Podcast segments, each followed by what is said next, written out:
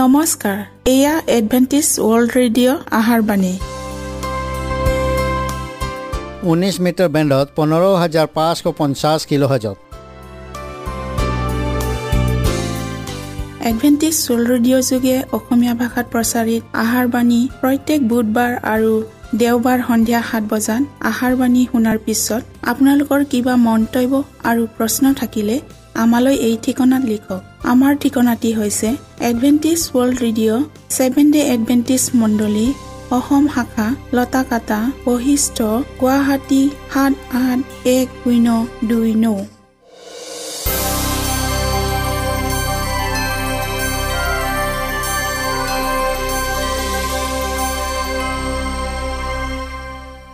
প্ৰিয় শ্ৰোতা বন্ধুসকল এতিয়া শুনো আহক এটি খ্ৰীষ্টীয় ধৰ্মীয় গীত।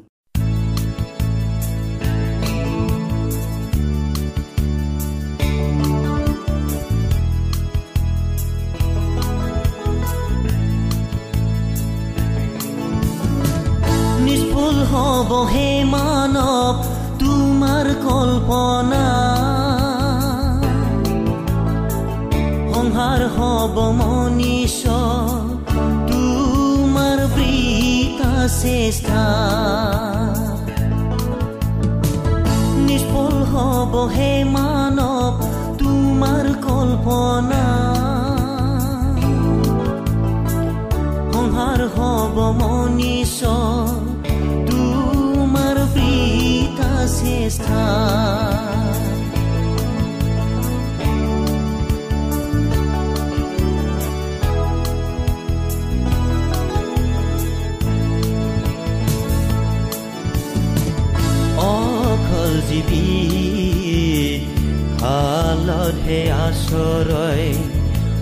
মনীষ বাবে ধৰণী এতিয়া আছে এতিয়া জিনা। মনীষ জাতি জীৱন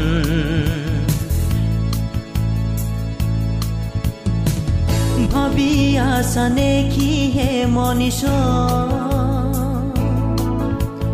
এই পৃথিৱী ভাবি আছানে কি হে মন সদা সৰ্বদা ভাবি আছানে কি হে মনীষ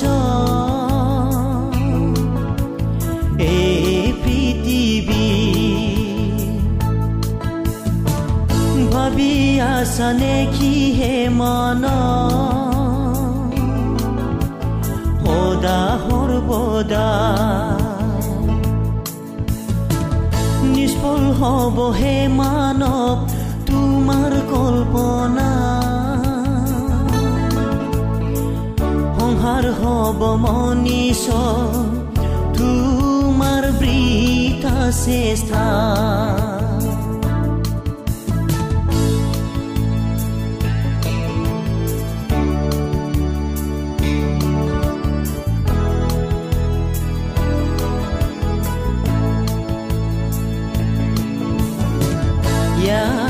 নহয় ভাপ থাকিবলৈ আত্মা জাগ্ৰত হৈ থাকিবলৈ হে। ইয়া যে নহয় ভাপ থাকিবলৈ আত্মা জাগ্ৰত হৈ থাকিবলৈ হে। সাৰ পাই থাকিবলৈ সম আহি যিচুলৈ বাট চাই টকা সময় আহিল। সাৰ পাই থাকিবলৈ সময় আহি গীশুলৈ বাচাই থকা। সময় আহিল। নিষ্ফল হব হে মানৱ তোমাৰ কল্পনা। সংসাৰ হব মনীষ তোৰ চেষ্টা নিষ্ফল হ'ব হে মানৱ তোমাৰ কল্পনা সংহাৰ হ'ব মনীষ তোমাৰ বৃথা চেষ্টা তোমাৰ বৃথা চেষ্টা বৃথা চেষ্টা তোমাৰ বৃথা চেষ্টা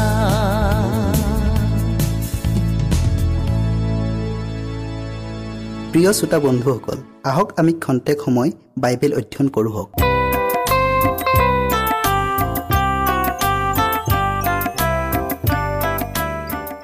প্ৰিয় শ্ৰোতাসকল নমস্কাৰ। আজি আমি ৰাজবাদ আৰু পথাৰৰ আলিলৈ ওলাই যোৱা। এই বিষয়টিলৈ অধ্যয়ন কৰোঁ হওক। শাস্ত্ৰপদ লোৱা হৈছে লোক চৈধ্য অধ্যায়ৰ বাৰৰ পৰা চৌবিছ পদলৈকে। আমি প্ৰাৰ্থনা কৰোঁ হওক। সেই সৰ্বশক্তিমান ঈশ্বৰ যি হোৱা আমি আজি আকৌ তোমাৰ চৰণত পৰিছোঁ। প্ৰভু তুমি আমাৰ লগত থাকা। প্ৰত্যেক শ্ৰোতাৰ লগত তুমি পবিত্ৰ আত্মাৰ যোগেদি থাকা। আৰু তেওঁলোকৰ হৃদয় স্পৰ্শ কৰি দিয়া যীশুৰ নামত খুজিলোঁ আমেন। ফৰিচি এজনৰ ভোজনত ত্ৰাণকৰ্তা জনাই অতিথি হৈছিল। দুখীয়াই হওক বা ধনীয়েই হওক শ্ৰেণী নিৰ্বিশেষে নিমন্ত্ৰণ গ্ৰহণ কৰি তেওঁৰ ৰীতি অনুসৰি ঈশ্বৰৰ বাক্য তেওঁলোকক বিলাইছিল। যিহুদীবিলাকৰ প্ৰথা অনুযায়ী তেওঁলোকৰ পবিত্ৰ ভোজ আৰু পৰৱবোৰ জাতীয় আৰু ধৰ্মীয় আনন্দোৎসৱৰ সৈতে জড়িত আছিল। এইবোৰ তেওঁলোকলৈ অনন্ত জীৱনৰ আশীৰ্বাদ প্ৰতীক স্বৰূপ আছিল। তেওঁলোকে এই আশাত দৃঢ়ভাৱে পুহি ৰাখিছিল যে বৰভোজৰ দিনাখন আব্ৰাহাম ইছাহাক আৰু জাকুবৰ সৈতে একেলগে ভোজনত বহিব আৰু পৰজাতিবিলাকৰ অৰ্থাৎ অজিহুদীবিলাকৰ একোৰে আশা নথকাত সেইবিলাকক হীন চকুৰে দৃষ্টি কৰিছিল। এই প্ৰসংগত কৃষ্টই এই বৰভোজৰ দৃষ্টান্তৰে ব্যাখ্যা কৰিছে। যিহুদীবিলাকে তেওঁলোকৰ বৰ্তমান আৰু ভৱিষ্যত জীৱনৰ প্ৰতি ঈশ্বৰৰ আশীৰ্বাদৰ একমাত্ৰ অধিকাৰী আৰু পৰজাতিবিলাক ঈশ্বৰৰ দয়াৰ পৰা সমূলি বঞ্চিত বুলি গৰ্ব কৰিছিল। কৃষ্টই দৃষ্টান্তৰ ব্যাখ্যাৰ দ্বাৰাই বুজাইছে যে ঈশ্বৰৰ ৰাজ্যলৈ আমন্ত্ৰণ কৰা সময়তে তেওঁলোকে সেই দয়াৰ আমন্ত্ৰণ প্ৰত্যাখ্যান কৰিছে। ঈশ্বৰে দেখুৱালে যে যিবিলাকে তেওঁৰ আমন্ত্ৰণৰ প্ৰতি অকণো সঁহাৰি নজনালে এতিয়া তেওঁলোকৰ ঘৃণা আৰু তুচ্ছ জ্ঞান কৰা লোকবিলাকক অৰ্থাৎ কুষ্ঠ ৰোগী লোকৰ দৰে ব্যৱহাৰ পোৱা পৰজাতিবিলাকক আমন্ত্ৰণ কৰিলে। বৰভোজ পথা পৰিচিজনে নিস্বাৰ্থৰ হকে সমাজৰ কিছুমান বচা বচা ব্যক্তিক আমন্ত্ৰণ কৰিছিল। কৃষ্ণই ফৰিচিজনক ক'লে দুপৰ বা নিশাৰ ভোজ পাতিলে তুমি নিজৰ বন্ধু বা ভাইবিলাক বা জাতি কুটুম্ব বা ধনৱন্ত চুবুৰীয়াবিলাকক নামাতিবা। কিজানি তেওঁলোকেও তোমাক নিমন্ত্ৰণ কৰিব আৰু তাতে তুমি প্ৰতিদান পোৱা। কিন্তু তুমি যেতিয়া ভোজ পাতা তেতিয়া দৰিদ্ৰ কোঙা খুৰা অন্ধ এইবিলাকক মাতিবা। তাতে তোমাক প্ৰতিদান দিবলৈ তেওঁলোকৰ একো নোহোৱাত তুমি ধন্য হ'বা। কিয়নো ধাৰ্মিকসকলৰ পুনৰুত্থানত তোমাক প্ৰতিদান দিয়া হ'ব। প্ৰিয় শ্ৰোতাসকল মচিৰ যোগেদি ইজৰাইলবিলাকক দিয়া উপদেশটো খ্ৰীষ্টই ইয়াত পুনৰ দোহাৰিছে। তোমালোকৰ পবিত্ৰ ভোজন পাণত ঈশ্বৰে নিৰ্দেশ দিছিল যে তোমাৰ নগৰ দুৱাৰৰ ভিতৰত বিদেশী পিতৃহীন আৰু বিধৱাই আহি খাই তৃপ্ত হ'ব। এনে সমবেদবোৰ ইজৰাইলৰ প্ৰতি দৃশ্যমান শিক্ষাস্বৰূপ আছিল। বিৰহত ব্যাকুল আৰু দৰিদ্ৰবিলাকৰ প্ৰতি গোটেই বছৰ জুৰি প্ৰকৃত সেৱা শুশ্ৰূষাৰে যত্নলৈ আনন্দ লভিব এনে শিক্ষা দিয়া হৈছিল। আৰু এই পৰ্ব ভোজনবোৰৰ এক গুৰুত্ব শিক্ষা আছে। ইজৰাইলবিলাকলৈ দিয়া আত্মিক বৰবোৰ কেৱল তেওঁলোকলৈ দিয়া নাছিল। ঈশ্বৰে তেওঁলোকক সমগ্ৰ জগতক বিলাবলৈ জীৱন ৰুটি দান কৰিলে। কিন্তু তেওঁলোকে এই দায়িত্বভাৰ কাৰ্যত পৰিণত কৰিব নোৱাৰিলে। সেয়ে কৃষ্ণই তেওঁলোকৰ স্বাৰ্থপৰতাৰ বাবে দবিয়াইছিল আৰু তেওঁৰ কোৱা কথাবোৰ ফৰিচীবিলাকলৈ অৰুচিজনক আছিল। এনেতে ভোজনত বহা এজনে কথা বতৰাৰ সুৰ সলাবলৈ ধাৰ্মিকৰ ভাও জুৰি বিস্ময়েৰে বৰ মাতেৰে ক'লে যিকোনে ঈশ্বৰৰ ৰাইজত ভোজন কৰিব তেওঁ ধন্য। এই মানুহজনে ইমান নিশ্চিতভাৱে কৈছিল যে তেওঁ স্বৰ্গ ৰাইজত স্থান পাবই। কৃষ্টৰ দ্বাৰাই পৰিত্ৰাণ পালোঁ বুলি ভাবি আনন্দ কৰা মানুহবিলাকৰ মনোভাৱৰ সৈতে এইজন মানুহৰো মনোভাৱ একে আছিল।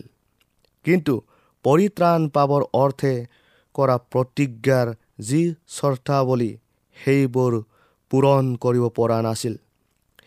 সেই মানুহজনৰ চিত্ৰ বিলিয়মৰ চিত্ৰৰ সৈতে একেই আছিল। বিলিয়মেও এইদৰে প্ৰাৰ্থনা কৰিছিল ধাৰ্মিকৰ মৃত্যুৰ নিচিনা মোৰ মৃত্যু হওক আৰু তেওঁৰ শেষ গতিৰ নিচিনা মোৰ শেষ গতি হওক। সেইদৰে ফৰিচিজনে নিজকে স্বৰ্গ ৰাইজৰ উপযুক্ততাৰ বিচাৰ নকৰি তাত সুখ আনন্দ উপভোগ কৰাৰ বিষয়েহে আশা কৰিছিল। তেওঁলোকৰ সচৰাচৰ কৰ্তব্যৰ পৰা বিষয় প্ৰয়ংগটো আঁতৰ কৰা অভিপ্ৰায়েৰে তেওঁ ভোজনত বহা আলহীবিলাকৰ আগত এনে মন্তব্য কৰিছিল। ধাৰ্মিকৰ পুনৰুত্থানত বৰ্তমান জীৱনটো এইদৰে সুখ ভোগ কৰিবলৈ পাব এই আশয়েৰে তেওঁ মানুহবিলাকক উৎসাহিত কৰি লৈছিল। কৃষ্ণই এই মিছলীয়া মানুহজনৰ হৃদয়ত কথা জানিব পাৰি।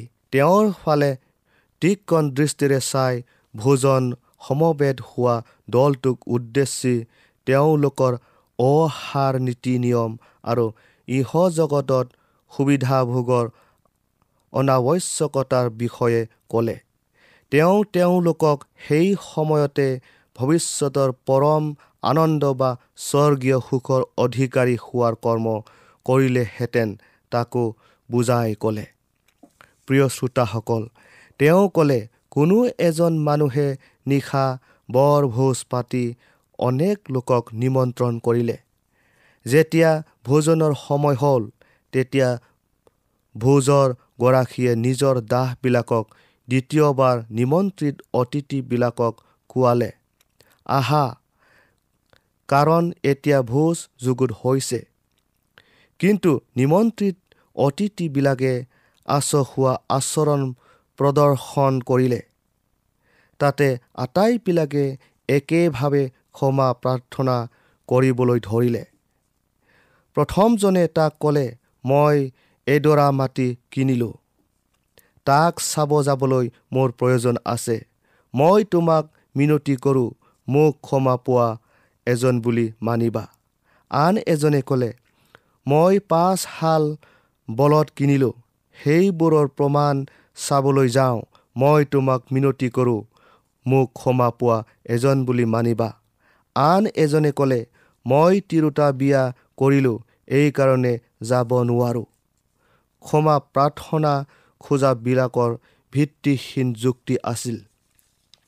মাটি এডৰা কিনা মানুহজনে মাটিডোখৰ চাব যোৱাৰ প্ৰয়োজন আছে কাৰণ তেওঁ মাটিডৰা কিনিলে। কাৰণ টকা পইচা বিষয়ত তেওঁৰ মন আবদ্ধ হৈ আছিল। বলত গৰুবোৰ কিনা হয় যদিও গ্ৰাহকক সন্তুষ্ট কৰাই তেওঁৰ প্ৰকৃত উদ্দেশ্য আছিল।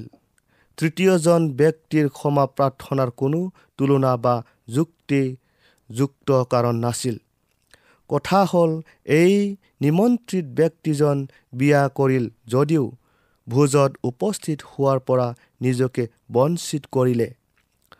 ন বোৱাৰী হিচাপে ভোজত নিশ্চয় আদৰ সন্মান পালেহেঁতেন।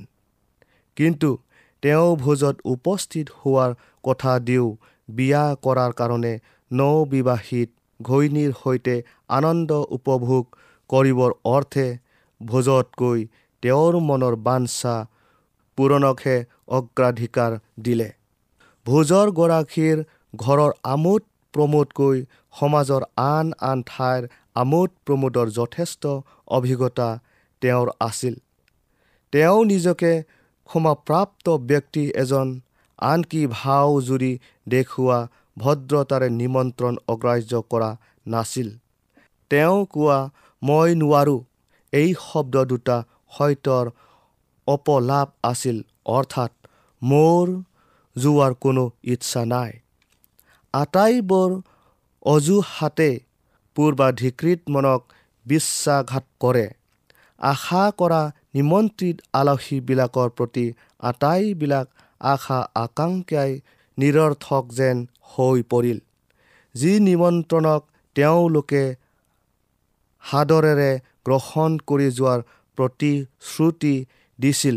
সেয়া অথলে গ'ল আৰু তেওঁলোকৰ উদাসীনতাৰ দ্বাৰাই দয়ালু বন্ধুগৰাকীক অপমানিত কৰা হ'ল।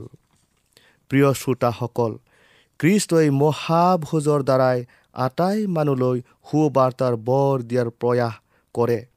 এই বৰ আন কোনো নহয় স্বয়ং খ্ৰীষ্টই নিজকে বৰ স্বৰূপে বিলাব খোজে।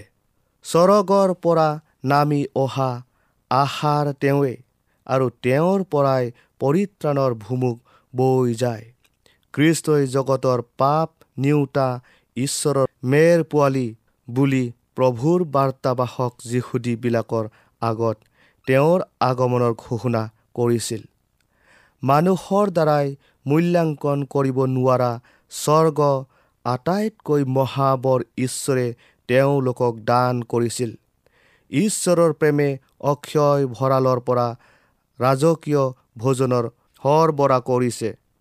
খ্ৰীষ্টই কৈছে যদি কোনোৱে এই আহাৰ খায় তেন্তে তেওঁ চিৰকাল জীয়াই থাকিব।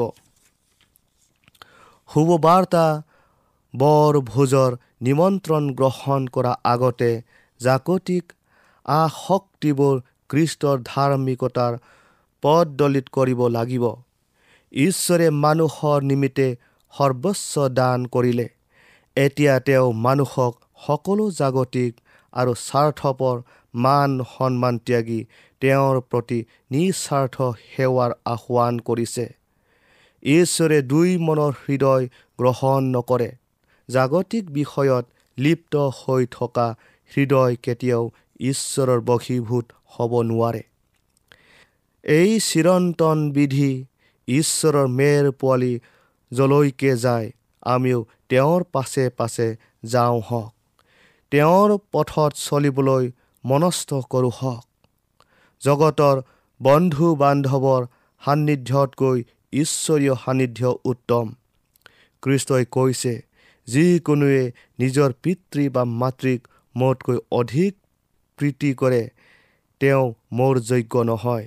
আৰু যিকোনোৱে নিজৰ পুতেক বা জীয়েকক মোতকৈ অধিক প্ৰীতি কৰে তেওঁ মোৰ যোগ্য নহয়।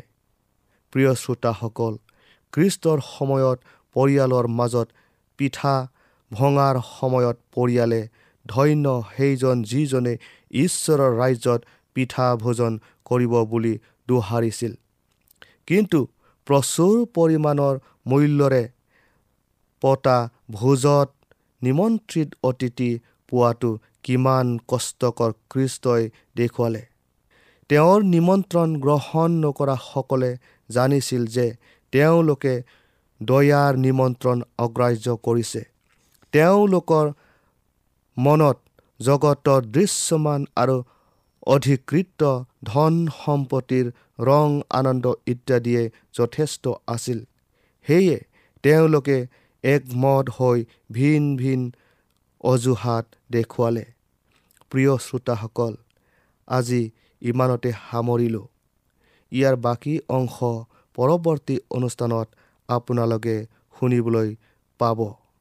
ঈশ্বৰে আপোনালোকক আশীৰ্বাদ কৰক।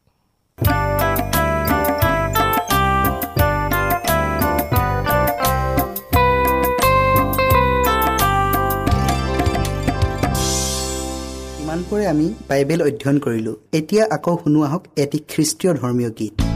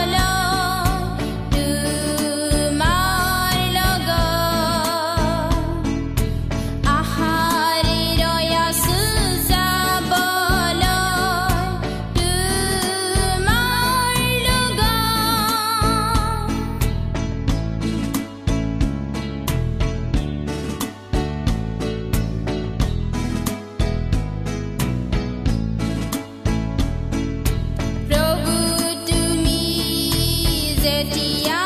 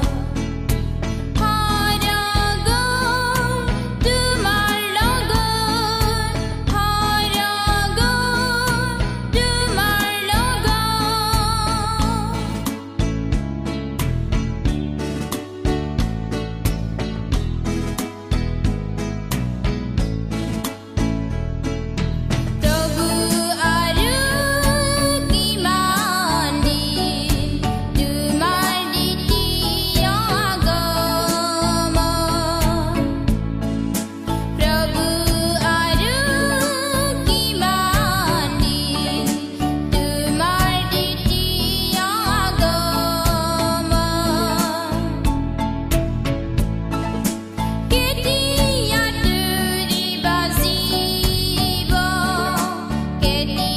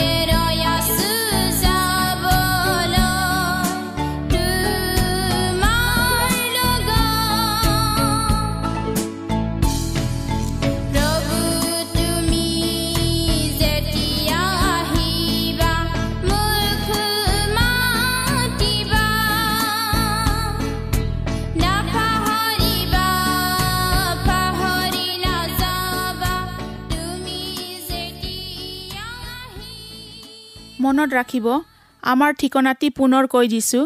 Adventist world radio' Assam region of seven day Adventist voice of hope Latakata Basistha Guwahati seven eight one zero' two nine প্ৰিয় শ্ৰোতা বন্ধুসকল এডভেণ্টিজ ৱৰ্ল্ড ৰেডিঅ' যোগে আহাৰবাণী প্ৰচাৰত আপোনালোকক পুনৰ লগ পোৱাৰ আহাৰে আজিলৈ সামৰিলোঁ। ধন্যবাদ।